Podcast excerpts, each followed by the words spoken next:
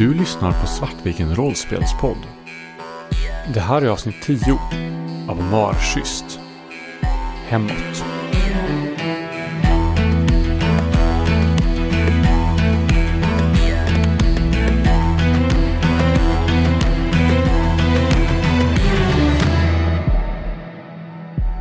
Innan eh, Elias stänger dörren så um, hukar han sig ner och plockar upp ett av de här bladen. Någonstans så har han ju accepterat att den här sanningen om honom själv är ju tätt knuten till allt det som sker med Yoshiko. Så att eh, han har någonstans eh, accepterat att han inte kan åka hem förrän han har gått till botten med det här. Och han stänger dörren. Medans Elias har varit inne i Yoshikos rum, eller det som hon fått nu i alla fall, så har jag samlat ihop mina kläder och kommer ut tillbaka i korridoren och säger till Elias att kom då, nu åker vi. Kan vi inte åka snart? Annie som sitter inne på Charlottes rum eh, hör eh, Robins röst genom, eh, genom dörren och inser att de verkar vara på väg att åka. Hon reser sig upp och, och går med ganska raska steg mot dörren och vidare till sitt rum och krafsar ihop allting i sin resväska tittar inte på Robin i, i, när de möts i korridoren, men eh, tittar bara på honom i ögonvrån. Jag eh, ser ju att Annika håller på att packa upp också och tänker att ja, hon kanske åker tillbaka med tjejerna. Så jag reagerar inte så mycket på det utan eh, börjar prata lite med Yoshiko istället. I väntan på att Elias ska komma ut. Tar Elias lång tid på sig eller? Nej, jag kommer ut ganska så omgående efteråt. Ja, det, det är dags att åka nu? Ja, jag ska bara hämta min väska. Så, men du vet ju vilken bil som är min, så att... Ja, vänta vi, där bara. Vi möts där nere. Jag går bort till mitt rum och ska plocka upp den här lilla rullväskan som jag har med mig. När jag kommer in på rummet så dras din blick mot sängen. Och du ser att det sticker ut blodiga svarta fjädrar från under sängen. Jag funderar också på, jag är ju väldigt uppmärksam. Finns det några spår på att någon har varit där och pillat på grejer? Du kan få slå för det. Så lämnar vi det åt slumpen. Nej, jag noterade inte det. Du är nog lite för stressad och kommer in och liksom röjer ihop dina saker. Kanske är du lite... Eller så är Annie för bra. Eller så är Annie för bra. Eller så är du distraherad av de här blodiga fjädrarna under sängen. Som är av samma slag som de du hittar utanför, runt kroppen. Jag rynkar på ögonbrynen och sätter mig ner på huk bredvid sängen och plockar upp en av dem och böjer mig ner och kikar in under sängen. Det ligger fler fjädrar där, men ingenting annat. Det är fjädrar och några dammråttor. Jag reser mig upp med fjädern i hand och går bort mot sovrumsfönstret och ser eh, om det verkar, om det finns någon åverkan på det och kikar ut och försöker få grepp om vad det här potentiellt skulle kunna vara. Fönstret är helt och det är stängt. Utanför finns inte heller någonting som verkar kunna vara en, en källa till de här blodiga fjädrarna. De verkar ha dykt upp från ingenstans. Lite på samma sätt som de blålila mörka löven inne i Joshikos rum. Jag går bort till min lilla rullväska och plockar fram den eh, ICA-kassen jag har med för att ha smutskläder i och skopar upp alla de här fjädrarna i påsen och knyter igen och stoppar ner. Jag är ändå ganska van vid att vara mån om vad andra ser och inte ser om mig. Så jag tror inte jag är särskilt sugen på att lämna massa blodiga fjädrar under min säng. Och sen trycker jag ner den här eh, skissblocket i väskan också. Det är med alla porträtt på dig? Ja. Jag plockar ju också ett konferensblock som jag stoppar ner där också. Och sen eh, går jag ut och så, jag står en, ett ögonblick i dörröppningen och kikar in mot det här rummet. Som i princip ser helt orört ut nu. Det är som att ingen har varit där. Och sen stänger dörren och går ner till Robin och Yoshiko. På vägen ner så går vi förbi det här stora allrummet och jag ser den förstörelsen jag gjorde förut. Och jag ser saxen ligga där borta. Och jag ser också de blodiga glasbitarna från när Elias gick där igår natt. Och jag kommer ihåg kvinnan och allting. Det börjar nästan tvivla på mitt eget sinne och om jag, jag vet inte, började med sanddrömmar eller någonting. Jag inser att jag har hållit i den här saxen, för den var blodig också. Ja. Jag säger då till Yoshiko att uh, gå ut ett tag, du kan vänta vid bilen, jag ska bara hämta en grej. Och sen så går jag och plockar på mig saxen. Jag vill inte att den ska vara här.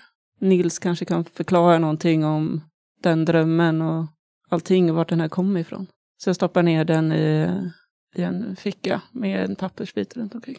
När du plockar på dig saxen så ser du att Yoshiko har satt sig ner på golvet vid det krossade glaset och hon sopar ihop allting väldigt försiktigt. som att hon, hon städar efter er. Hon tittar upp på dig när du ser henne och säger att vi kan väl inte lämna det så här. Mm. Och vi kan väl åtminstone bara sopa ihop det lite så att det, ingen annan råkar skada sig. Ja, du, du har rätt. Jag borde tänkt på det igår kväll. Men, men var försiktig. Jag går och hämtar en sopskyffel. Hon tar den och tackar. Sen börjar hon sopa ihop allting. Jag går ut till bilen och tänker att jag behöver ju kanske sopa bort det här glaset som ligger i förarsätet som i och med att jag krossade rutan igår. När du ser bilen så ser du ju också hur Annie står, eh, står vid högra eh, baksidan av bilen med sin eh, lilla rullväska stående precis nedanför bagageluckan. Hur mycket har Annie i psykologi? Eller uppmärksamhet? Ett i psykologi och tre i uppmärksamhet. Får jag be dig att slå ett slag i uppmärksamhet? Det är väl eh, regelmästaren som får avgöra det. Ja, varför inte? Tre lyckade. Du ser när Elias kommer ut på den här trappen och ser dig, så verkar han stelna till ett ögonblick. Med den här, så här tomma blicken som han hade igår. Och tidigare idag också, när eh, ambulansen kom. Och sen ser du han s- spricker upp i ett leende och går emot dig. Ungefär som att eh, han liksom har lagt till rätta sin anletsdrag. Ja. Annie, ska du... Eh, behöver du skjuts eller? Ja, jag tänkte att eh, jag kunde åka med er kanske om det, om det går bra för dig. Definitivt. Eh, jag vet inte riktigt vart vi är på väg dock. Eh, Jag behöver bara skjuts in till eh, Uddevalla så kan jag ta mig hem därifrån. det är absolut inga problem. Jag se om jag kan låsa upp bilen nu då. Jag testar min nyckel och Nu funkar den. det är ju bra. Du behöver nog inte slå för att, att se att Annie har ett ganska ansträngt leende påklistrat. Men du kan absolut märka att hon, eh, hon tittar inte direkt på dig i någon större utsträckning och tar väldigt flyktigt bara ögonkontakt. Större delen av tiden så tittar hon på annat eller tittar ner i marken. Jag hjälper dig in med din väska samtidigt som jag lassar in min. Jag tänker att jag så här öppnar bakluckan, lassar in min, sen tar jag din. Såvida du liksom inte protesterar. Ja, tack så mycket. Eh, just ja, eh, Annie. Jag tänker att det är kanske lika bra att vi tar det nu innan de andra kommer ut. Vi tänkte ta Yoshiko med oss. Hon... Eh, vi försökte få henne att hon skulle åka med ambulanspersonalen, men hon verkar verkligen inte vilja det. Så eh, jag och Robin tänkte att hon kanske kan få vara med oss några dagar. Tills eh, hon har landat lite och sen kanske man kan kontakta vården då. Hon beskrev det som att vi är den enda fasta punkten hon har nu och jag antar att jag kan relatera lite till det. Men ja, hon ska ju följa med oss nu och jag vet att det är lite konstigt. Du ser ju hur Annis leende blir eh, genast lite ansträngt och, eller mer ansträngt och det till och med fallerar ibland och liksom så här försöker smila upp sig igen men ser märkbart obekväm ut och missnöjd med, men eh, nej men självklart det, vi ska inte låta flickstackaren vara ute på en gård eh, med massa vuxna människor helt själv på det sättet. Elias Charlotte. Charlotte tar- ju uppenbarligen inte någon, något ansvar för, för henne så naturligtvis. Och sen så går Annie ganska rast och sätter sig i baksätet på bilen. Eh, innan du hinner gå iväg så, så ler Elias ett ganska så stort, brett, varmt leende och så här. Jag visste att du skulle förstå. Eh, Över sin axel så nickar Annie och, och ler ännu mer ansträngt och så här. Mm, mm. Sen sätter hon sig. Jag går fram och börjar ta bort allt det här glassplittret som jag har i mitt förarsäte nu. Efter ett litet tag så kommer jag och Yoshiko ut. Hon har på sig en av mina gamla tröjor som är lite för stor på henne, men ändå någonting som skyddar mot väder och vind. Och jag går framåt bilen och är på väg att öppna dörren för att eh, låta Yoshiko sätta sig i baksätet. Men så ser jag Annie som sitter på den platsen. Annie, An- Annie ler stelt och tar tag i dörren och mm, så här, drar igen den igen eh, Robin blir helt lite chockad och vet inte riktigt vart han ska ta vägen. Yoshiko stelnar också till när hon ser Annie i bilen. Elias vänder sig om och... Eh, jag tänkte vi... Eh, hon behöver skjuts in till Uddevalla. Så... Eh, ja, jaha, Hade du någon väska Robin? ja, vänta lite, jag, jag kommer, den står bara i hallen. Och jag lämnar er tre för att rusa in och hämta min väska. Om eh, Yoshiko står kvar utanför dörren till bilen så tittar Annie lite obekvämt på henne och knäpper upp bältet igen och hasar över mitt, de, mittendelen i eh, sätet och sätter sig på den vänstra sidan istället. Så att Yoshiko kan eh, sätta sig på högersidan istället. Hon står kvar utanför och sneglar lite mot det lediga framsätet istället. Men hon vågar inte riktigt gå och sätta sig. Robin kommer tillbaka med sin väska och slänger ner den i eh, bakluckan bredvid eh, Annis väska som han ändå känner igen. Och jag kan inte med att sätta mig bredvid henne, även om jag ser att Yoshiko tvekar också. Så jag går fram och förbi Yoshiko och sätter mig i framsätet. Kanske med någon ursäkt om att jag, jag har ju lite längre ben eller något. Och låter Yoshiko sitta bakom mig och eh, Elias på förarsätet bredvid mig. Yoshiko slänger en lite sårad blick mot dig. En slags kunde du inte göra det här för mig blick. Och sen går hon och sätter sig i baksätet bredvid Annie och stirrar ut genom fönstret. Jag kör in mot stan i maklig takt. I och med att jag har, inte har någon förarruta på vänstersidan så det går eh, väldigt långsamt. Jag drar inte upp i några högt större hastigheter. Så vad är planen Robin? Ja, eh, jag tänkte egentligen att vi kunde åka till Folkets park. Det var där jag tänkte att vi kunde träffa. Jag minns, kommer på mig själv med att Annie är bakom. Och, ja, men du kanske skulle till eh, centralstationen först, Annie, eller hur var det? Jag gissar att du har ett tåg att passa eller något sånt. Ja, jag måste nog, jag, jag måste kolla när det går något bara. Jag, jag plockar upp mobiltelefonen och börjar fippla på den och, för att kolla i, i resapparna efter något bra alternativ. Hur ser det ut Robin? Du, du bodde i Uddevalla, eller hur? Ja, jo, det kan man väl säga. Jag tänker det börjar bli mörkt nu. Jag tror inte riktigt att vi kanske ska... Jag vet inte hur mycket mer vi kommer kunna göra idag. Vi skulle kunna behöva, vi skulle behöva lägga av oss våra väskor någonstans. Och kanske sova och äta. Jag tror att eh, jag så här, kastar en eh, väldigt, väldigt kort glans bak mot eh, Yoshiko liksom. Som eh, hon behöver nog också vila. Ja, jo, men jag, jag tror inte att det är en så bra idé, kanske.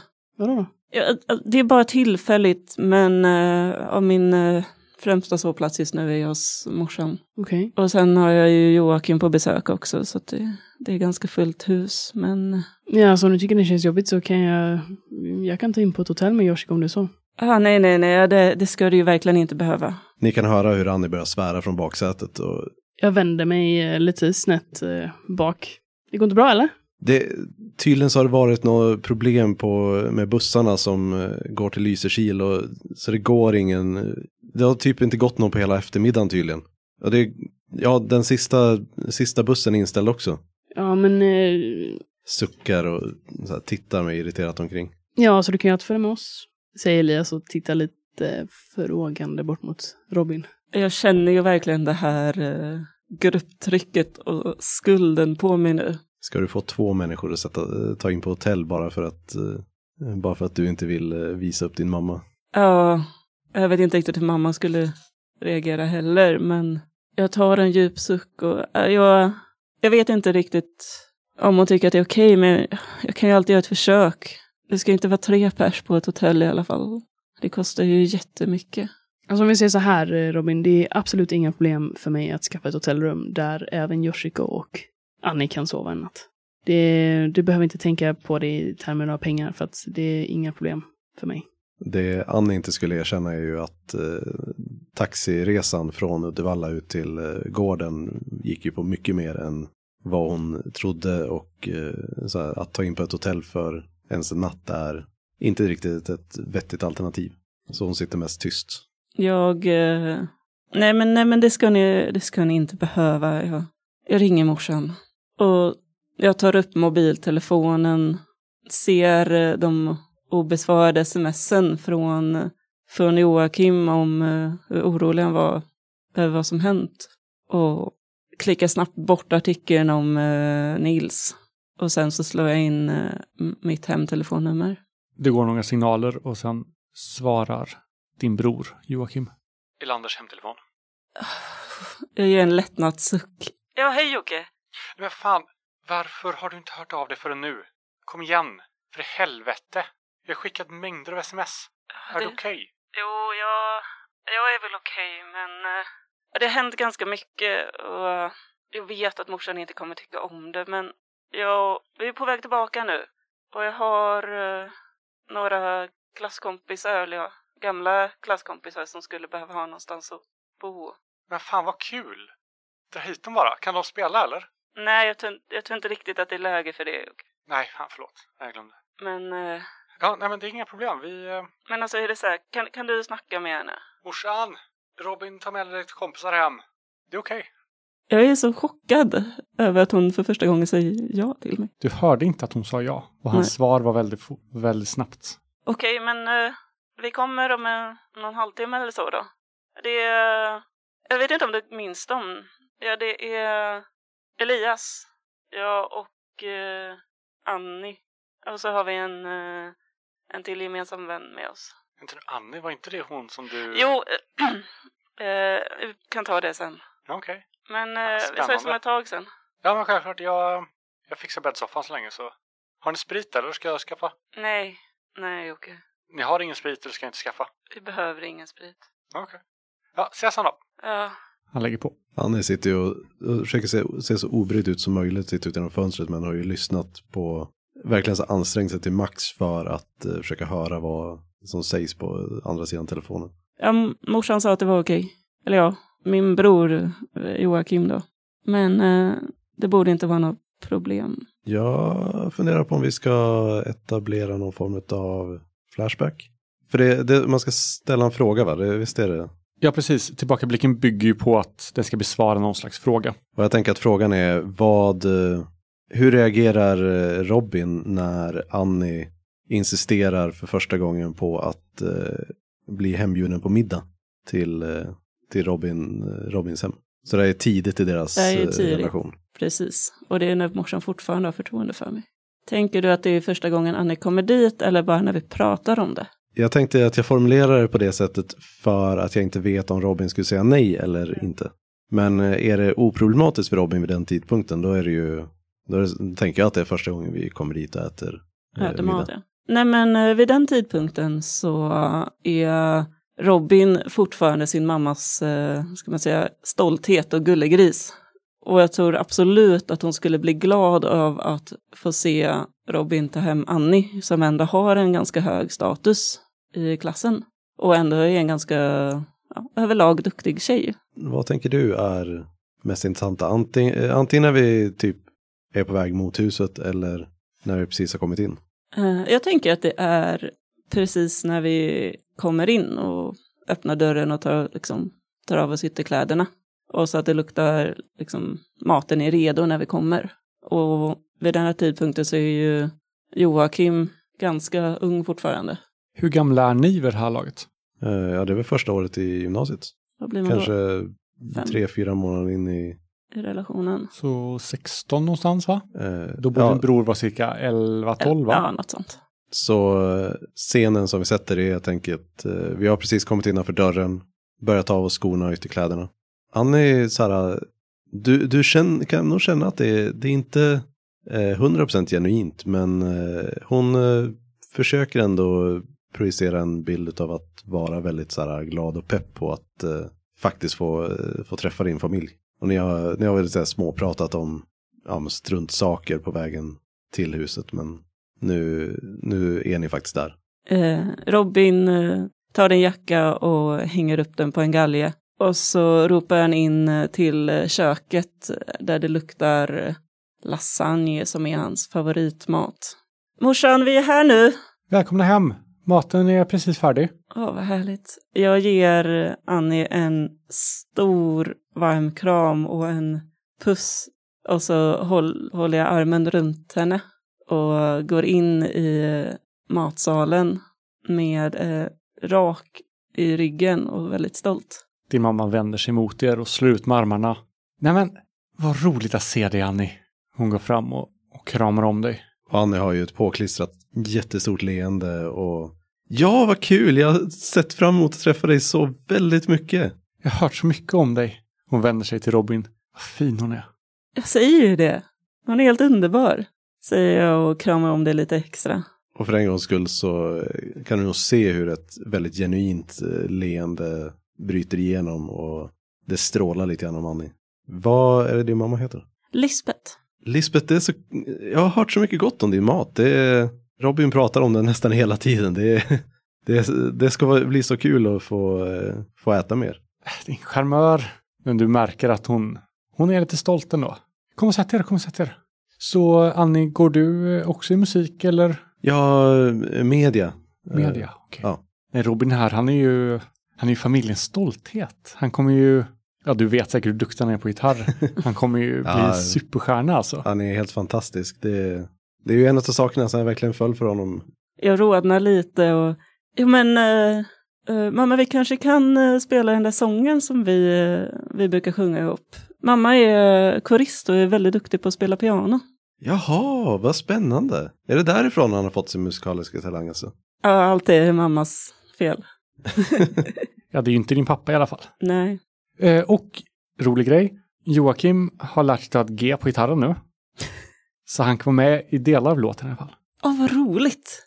Det är så Han är kul så- att han börjar lära sig nu. Han är så stolt. Ja, det förstår jag. Ser upp till sin storebror. Han kommer väl eh, inte riktigt komma ikapp tror jag, men eh, det är ändå kul att få lära ut till honom.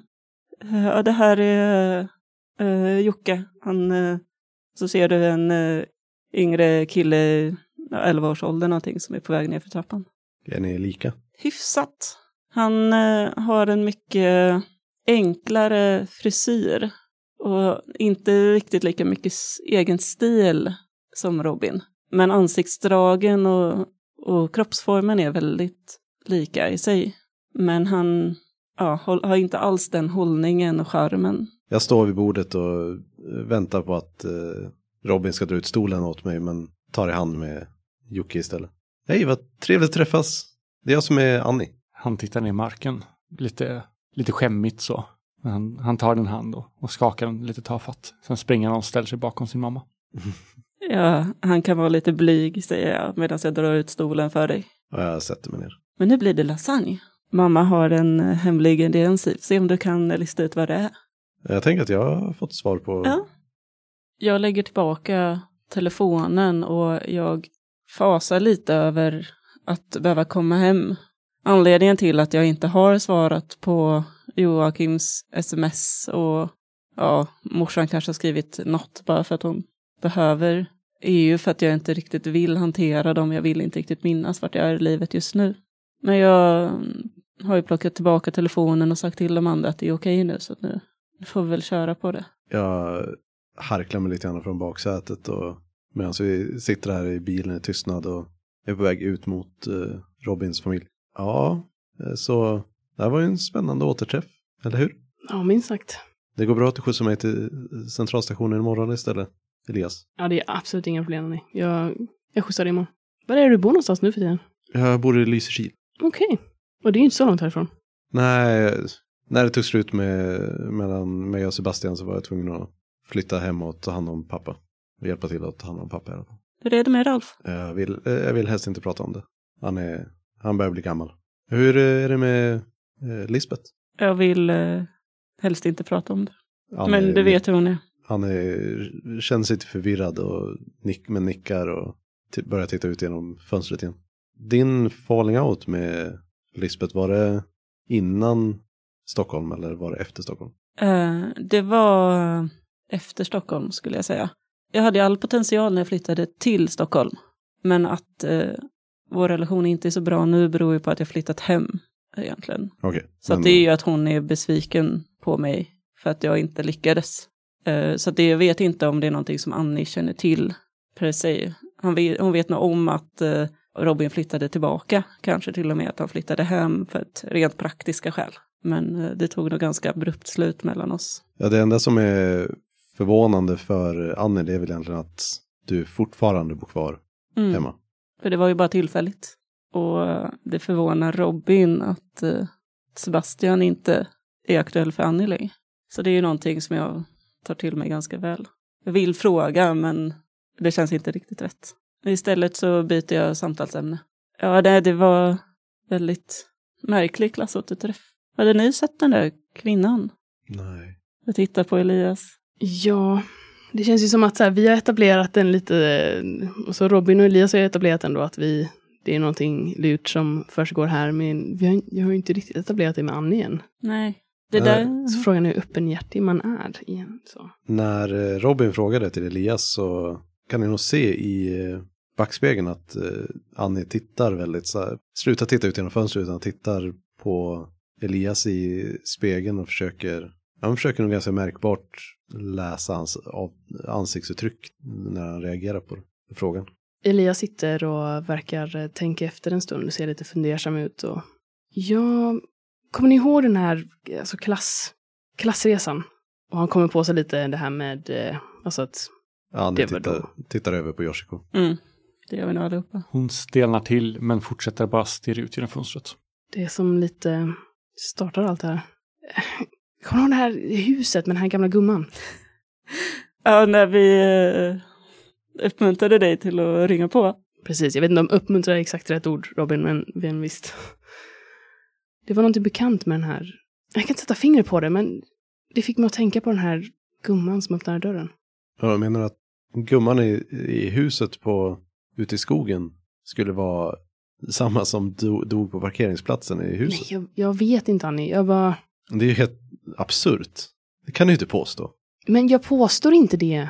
Det jag säger är att hon fick mig att tänka på den här... Jag tror att vi alla behöver vidga vårt begrepp om vad som är rimligt i den här situationen. Jag tittar ganska menande på Annie genom backspegeln. Anne tittar tillbaka, uppstudsigt oförstående. Det spelar ingen roll. Jag... Det spelar ingen roll. Efter en stunds eh, tystnad så lutar sig Robin lite mot Elias med förhoppningen om att inte Annie och Yoshiko ska behöva höra. Annie lyssnar intensivt. Gissar att Annie inte förstår, men jag håller nog med dig. Det är någonting i görningen här. Jag har, eh, jag vet inte, drömt saker som kan, som kan kopplas till det. Men det är nog bara för att det var en så tuff helg. Det ska bli skönt att sova i natt. Elias tittar på dig med en väldigt allvarsam blick. Nästan som att han hänger vid varje ord du säger. Men eh, han svarar inget explicit så, men, men nickar lite. Och, ja, jag tror att vi nog alla behöver vila lite. Ungefär då kanske jag kör upp på uppfarten till Robins barndomshem. Och innan bilen ens har stannat så slås dörren upp och Joakim kommer ut. Både Elias och Annie känner nog igen Joakim. Han är rätt känd nu för tiden. Han är lite av en, en superstjärna inom svensk musik. Han turnerar, han uppträder på Skansen, han har varit med i Bingolotto. Kanske inte Bingolotto, det är nog lite Melodifestivalen kanske. snarare Melodifestivalen.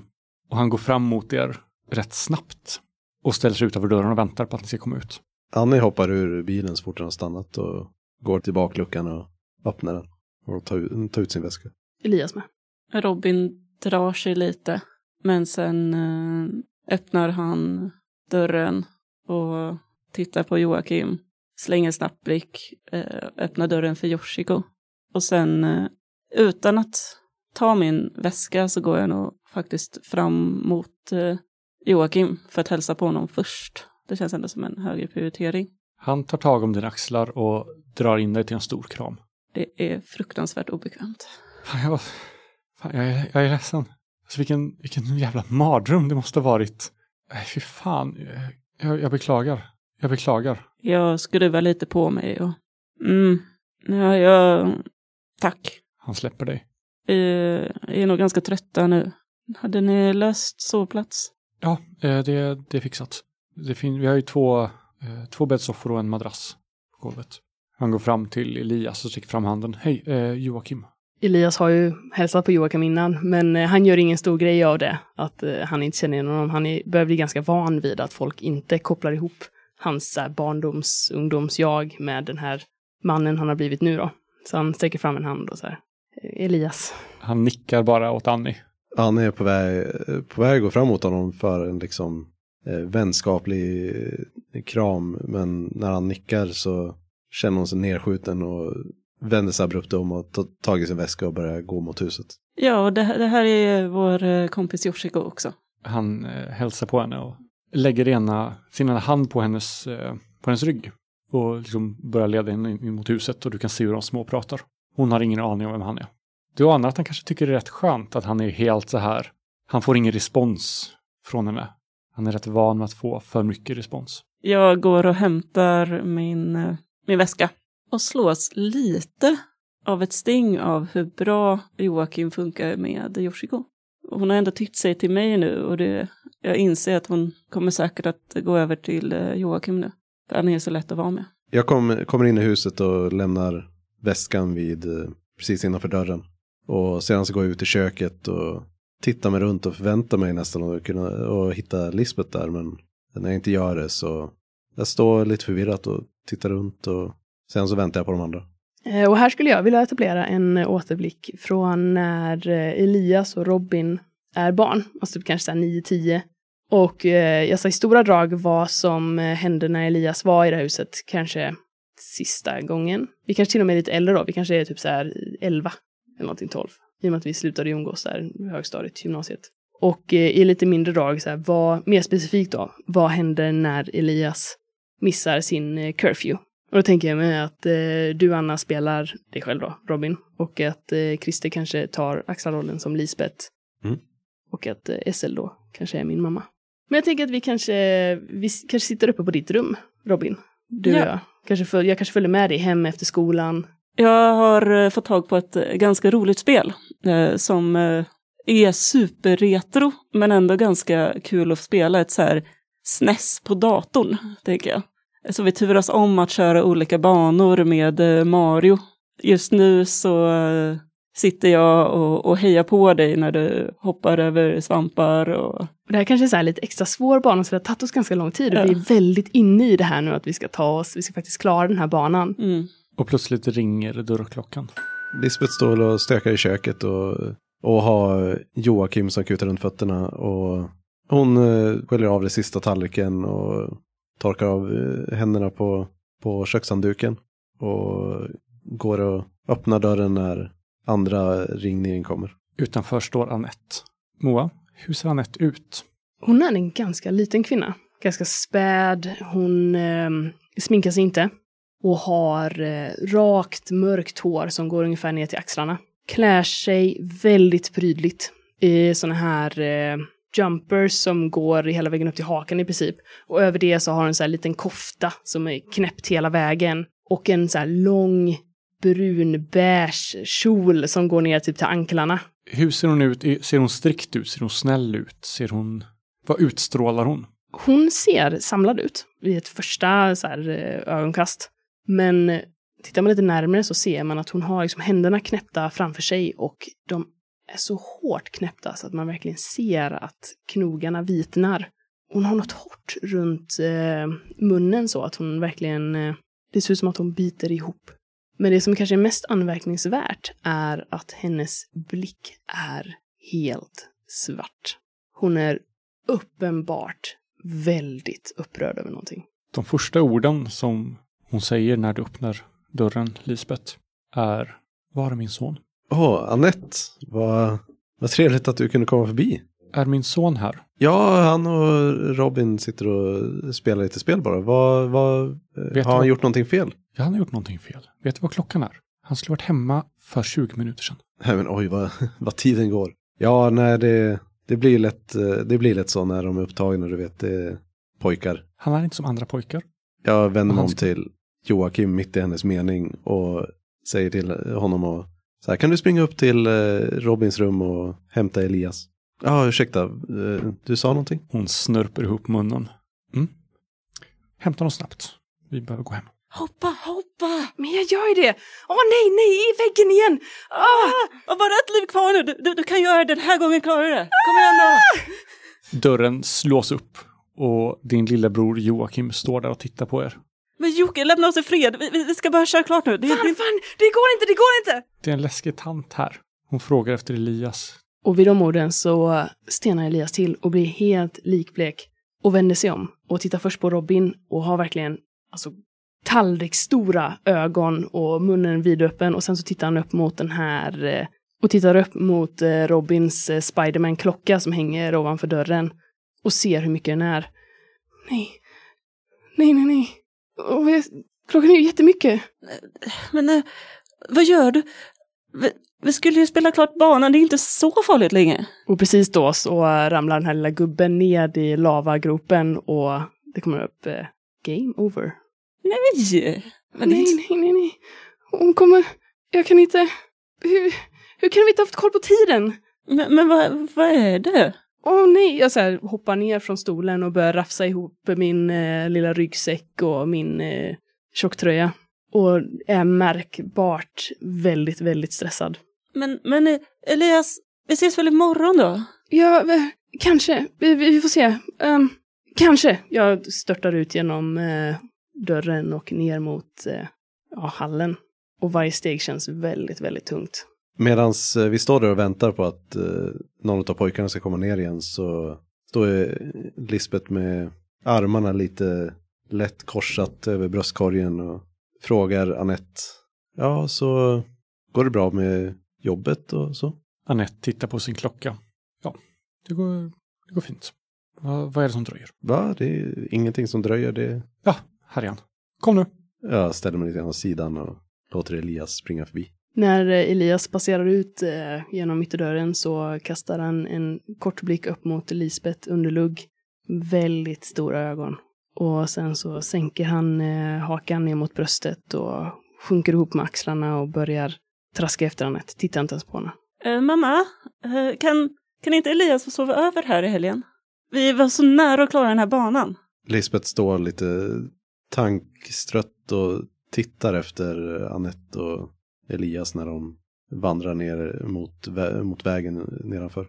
Och Annette lägger sin hand på, på Elias överarm, tar ett hårt grepp. Elias rycker till, men eh, underkastar sig. Jag tittar tillbaka på Robin och med lite så här medlids, medlidsam blick och säger att jag, jag, ska, jag ska höra med Anette om det, om det går bra. Jag kan inte lova någonting. Du gör inte om det här. Hörde du det? Förlåt. Förlåt Anette. Och där kan vi klippa den scenen va? Mm. Jag vill bara säga att jag gissar att eh, Robin, eller jag gissar att Elias aldrig skulle, kommer få sova över. Nej. Men det är, en, eh, det är Robins försök att eh, låta honom slippa hans mamma. Och jag tänker också så här att det här är ju sista gången jag är i ditt hus. Precis. I'm not allowed to go to friends anymore. Jag klarar aldrig den där banan. Vi återvänder till nutid. Elias och Robin har uh, lagt sig i bäddsofforna i källaren. Annie har tagit Robins säng och Yoshiko ligger i rummet utanför källaren på en madrass. Har uh, morsan kommit hem än? Nej, inte än. Det är lite konstigt, hon brukar alltid vara hemma, men samtidigt så är det väldigt skönt. Joakim säger det att hon är ute med, med the ladies. Mm. Så hon är väl ute och barhoppar med bokklubben eller så. Det känns ju väldigt konstigt att sova i den här sängen ännu en gång nu tio år senare. Det var ju mestadels hemma hos eh, Robin som vi hängde när, eh, under tiden som vi var tillsammans. Och nu ligger jag själv i den sängen som vi brukade sova ihop i. Och det, det känns som att det ska vara positiva nostalgiska känslor. Men egentligen så är, känner inte Annis så mycket alls. Det känns bara lite konstigt. Och allting ser lite för likt ut för att det ska kännas bekvämt. Och det är väl samma dofter också som du minns från Ja. den tiden för länge sedan. Allting är liksom för likt sig och Annie är inte samma person som hon var då. Och den krocken, det är en svårbeskrivlig känsla. Robin och Elias har eh, håller på att gå och lägga sig i bäddsoffan där nere. Du kan återigen notera att när vi byter om och så, så kan ju Robin åter, återigen kanske slås av eh, hur an, annorlunda Elias är nu. Det är, Elias är ju verkligen ripped. Det finns inte jättemycket av prim kvar i den kroppen. nu. Det är lite obekvämt för, på sätt och vis lite obekvämt för Robin att gå och lägga sig med Elias. Han är ju ändå ganska attraherad av honom. Robin är ju bi och har upptäckt det under senare år. Och det är aldrig så han har sett Elias. Det har ju varit din, sin, nästan som en bror.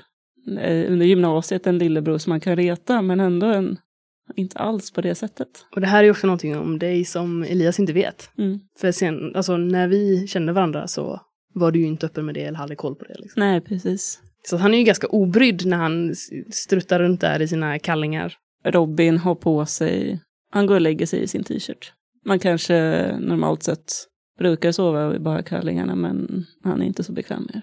Men en annan sak som gör Robin lite obekväm är att han, det märks att han inte riktigt vill gå och lägga sig. Han vill inte somna igen. Utan han, han börjar babbla på om eh, lite allt möjligt. Och sen efter ett tag så kommer han in på det som hände idag han börjar berätta om den här personen som vi ska träffa imorgon, eh, Nils. Eh, det, det är en person som jag, som jag jobbade med, eller ja, för, eller vad man nu säger. Han, jag vet inte om jag sagt det, men jag, jag jobbar ju på ett ålderdomshem och han var en av eh, dem där. En riktigt, riktigt skön gubbe faktiskt. Han eh, var lite speciell tyckte alltid om andra. Han brukade göra en massa symboler och hade koll på, jag vet inte, okulta saker. Jag trodde alltid att han var lite, lite smått galen, men efter, efter allt som hänt nu så, jag vet inte. Var det typ symboler som den här? Elias eh, fiskar upp sitt eh, lilla konferensblock. Ja men typ, fast jag kände inte riktigt igen den. Men eh, liknande. Men du tänker att han kanske har koll på den? Jag tänker det. Eh, han, eh, särskilt mot slutet så ritar han väldigt mycket. Så jag vet inte. Jag, Mot slutet var, så han, ja, han lever inte nu, eller vad? Jo, alltså sist jag såg honom. eh, ja, jag har inte riktigt velat eh, berätta. Jag vet inte riktigt hur jag ska säga det här faktiskt. Men eh, Elias eh, lutar sig fram. Eh, Hur, hur, vi ligger ner i sängen nu eller? Eh, Jag tänker sitta på, på sängkanten så. Bara. Ehm, Jag plockar fram min telefon och scrollar fram en artikel. Eh, Det här är mitt, eh, eller var mitt arbete. Och det där är Nils. Elias eh, tar telefonen och kikar på den och, och nickar lite. Och... Du ser en eh, artikel om eh, någonting som har hänt på det här eh, ålderdomshemmet. Där eh, en äldre person har gått lös och dödat fler i personalen. Och sen eh, tagit sig bort därifrån. Och att polisen letar efter honom. Jag vill inte oroa dig eller något sånt. Jag vet att Nils är ofarlig och han måste vara oskyldig. Han skulle aldrig kunna göra något sånt här. Jag gissar att han bara har flytt. Och jag vet inte, det, det känns lite som att jag är skulden till allt det här.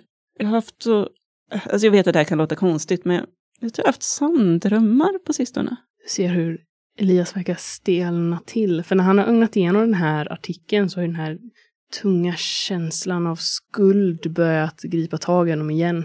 Och att sen höra de orden eka ur Robin känns nog nästan lite surrealistiskt för Elias. Och Elias, du minns ju att i drömmen så drog ju Robin upp en kvinna ur marken.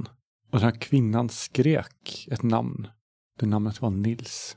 Nej, Nils. Nej. Och du tänker att de här drömmarna har... Jag vet inte hur, men natten innan jag åkte på klassåterträff så drömde jag om, om precis det här. Att eh, Nils stod över en av mina kollegor med en eh, sax och hade huggit ut ögat. Och sen så natten till idag så, så drömde jag det igen.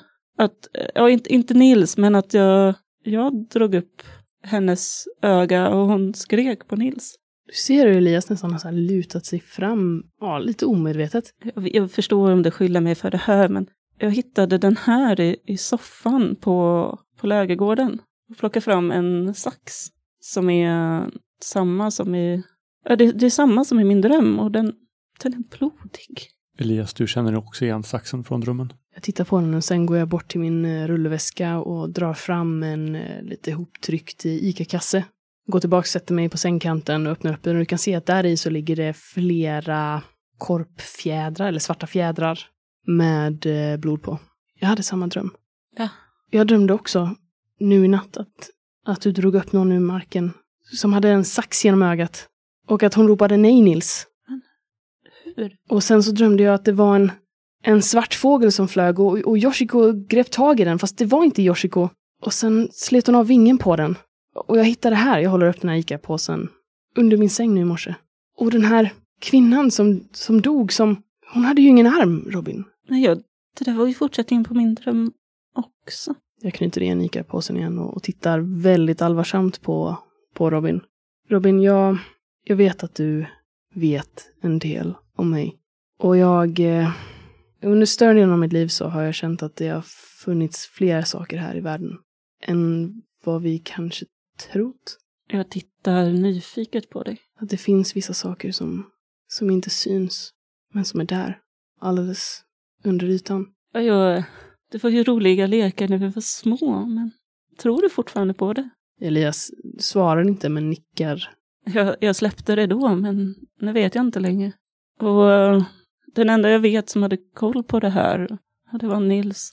Och jag tror säkert att om vi bara hittar honom imorgon så, så är allt säkert över. Jag är inte så säker. Vet inte, har du några svar då?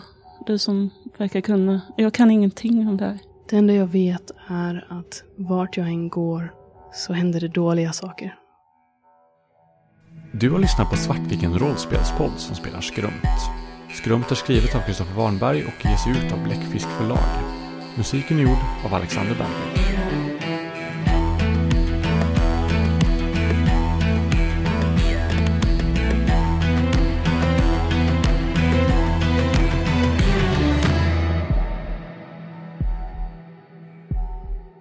Tack för att du har lyssnat.